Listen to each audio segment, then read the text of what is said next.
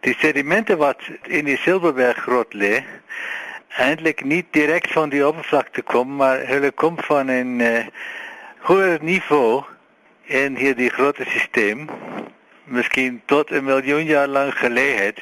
Hulle is toen in 'n dieper niveau in die dieper niveau uh, geraak deur 'n groot 'n groot of 'n opening wat opgegaan is in die in die in die vloer van 'n hoë ehm um, van 'n hoë grot.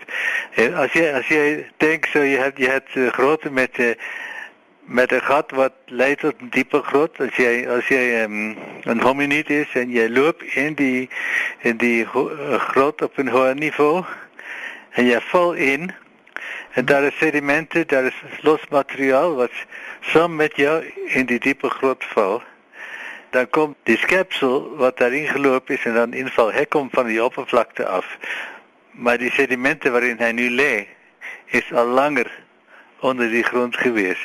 Hmm. Maar ons het dit ons het dit 'n bietjie uh, in in detail bekyk en ons kom tot die konklusie dat die aardom van hierdie sediment um, laag waarin die Littlefoot skelet lê niet ouder is as 2,8 miljoen jaar. Dit pas veel beter bij die ouderdom van die andere skepsels wat ons wat hulle gevind het in Sterkfontein.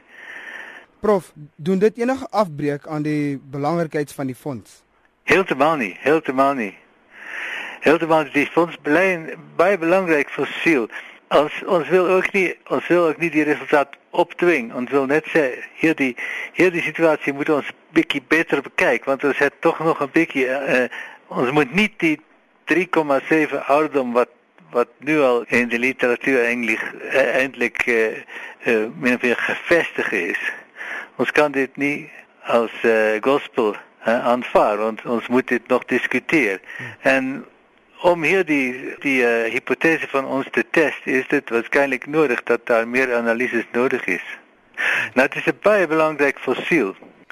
Ons doen dan nie afbreuk aan uh, aan die werk wat vroeger gedaan is. Dis is is. Dis is eintlik 'n uh, 'n extra en 'n nuwe interpretasie, maar die resultate, die analitiese gegevens is is van baie goeie kwaliteit wat hulle gelewer het.